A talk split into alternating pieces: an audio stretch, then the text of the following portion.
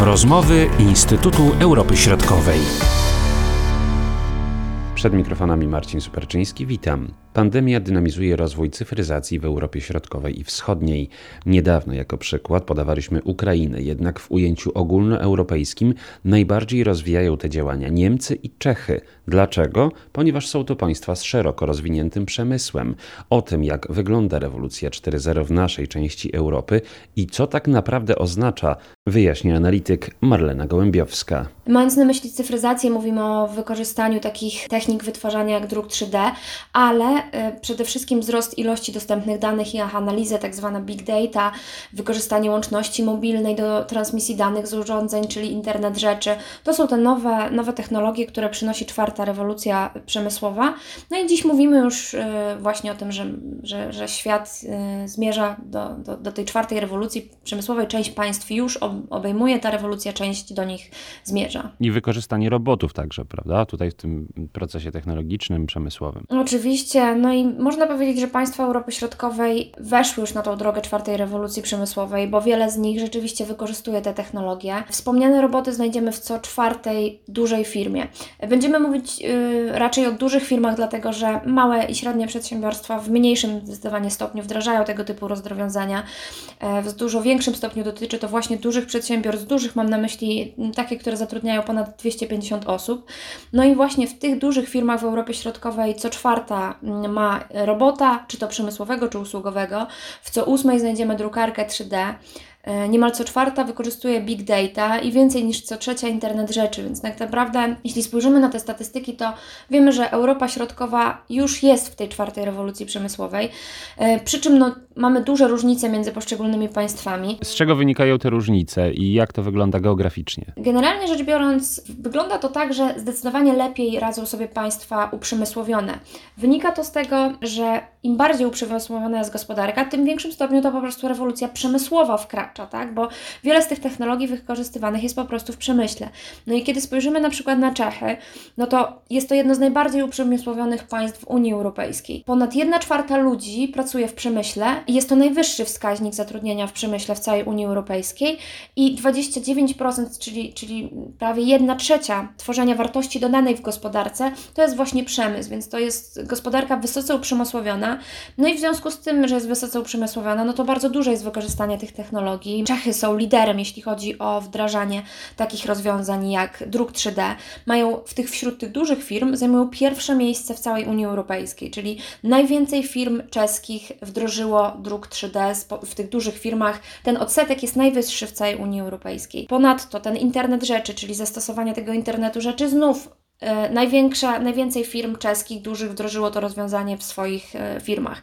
Jeśli chodzi o roboty, trzecie miejsce e, w UE, czyli tak naprawdę Czechy wysuwają nam się pozycję nie tylko na lidera w Europie Środkowej, ale też w całej Unii Europejskiej tak naprawdę. Pod wieloma względami przodują, jeśli o to chodzi. Natomiast mamy takie państwa, no dobrze sobie radzą też oczywiście państwa bałtyckie, jeśli chodzi o wdrażanie tych technologii, zwłaszcza jeśli chodzi o te bardziej miękkie takie rzeczy, właśnie wykorzystanie big data. Przykład Estonii jest chyba taki takim najbardziej jaskrawym. Tak, już wielokrotnie rozmawialiśmy o Estonii, też Estonia jest tym państwem, które jeśli chodzi o cyfryzację, zwłaszcza e-usługi, te usługi publiczne, no to jest liderem w Europie. W mniejszym może stopniu ten, ten, to wykorzystanie jest tam widoczne właśnie w przemyśle tych nowych technologii.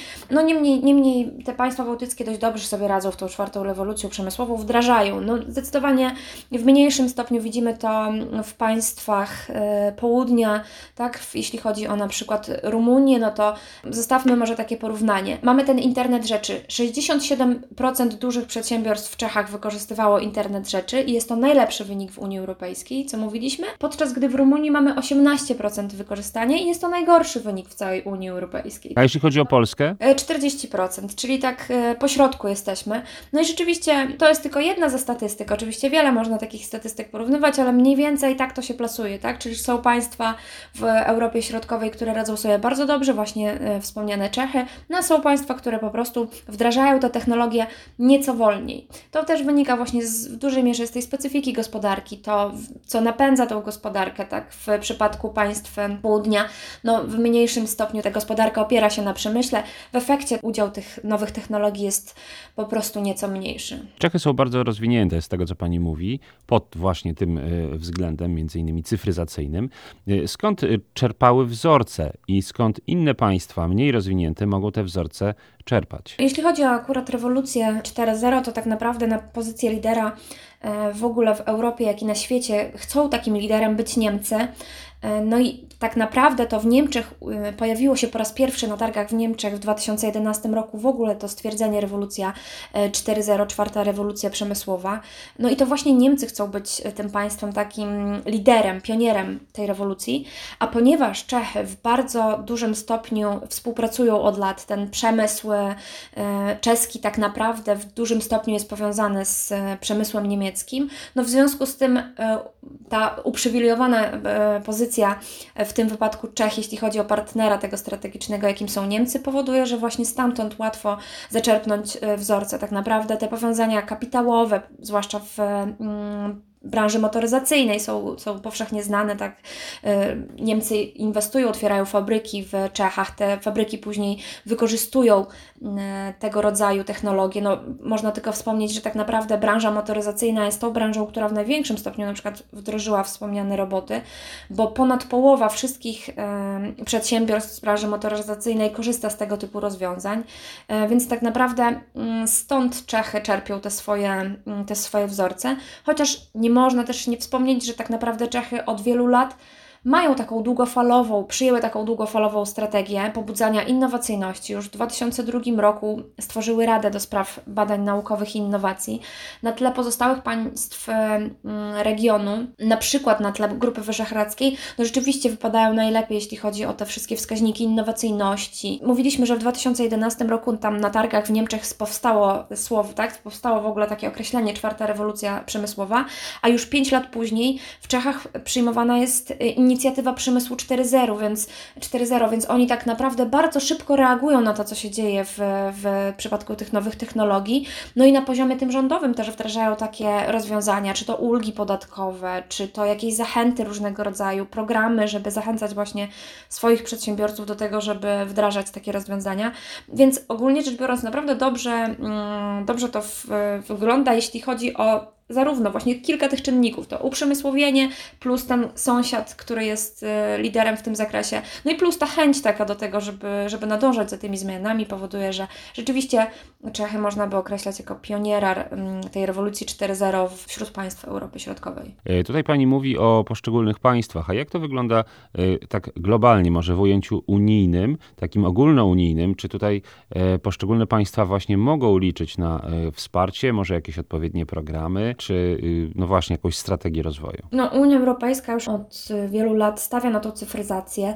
Mówi się o tym, y, że Europa Środkowa szczególnie powinna nadganiać, jeśli chodzi o to wykorzystanie nowych technologii, dlatego że dotychczasowe modele wzrostu, które mamy, które miała Europa Środkowa, czyli tak naprawdę te 30 ostatnich lat transformacji, było opartych na relatywnie taniej sile roboczej, w dużym stopniu na eksporcie. No jeśli dalej chcielibyśmy konkurować w tym zakresie i rzeczywiście chcemy, żeby te gospodarki gospodarki się rozwijały, no to Europa Środkowa musi postawić na ten nowy model wzrostu, nieco bardziej oparty właśnie na, na tych nowych technologiach, na innowacyjności. Ja wiem, że to wszystko brzmi jak takie hasła, ale musimy pamiętać o tym, że ta innowacja, ta, te nowe zastosowania po prostu poprawiają jakość życia. One podnoszą efektywność w przedsiębiorstwach, a skoro te przedsiębiorstwa lepiej prosperują, no to lepiej prosperują całe gospodarki. To proste, wydawałoby się dość proste rozwiązanie, jeśli o tym mówimy, yy, trudniej to wdrażać, no ale myślę, że, że jest naprawdę też i sporo pieniędzy na stole, jeśli chodzi o, o Unię Europejską, do wykorzystania właśnie w taki sposób, aby pobudzać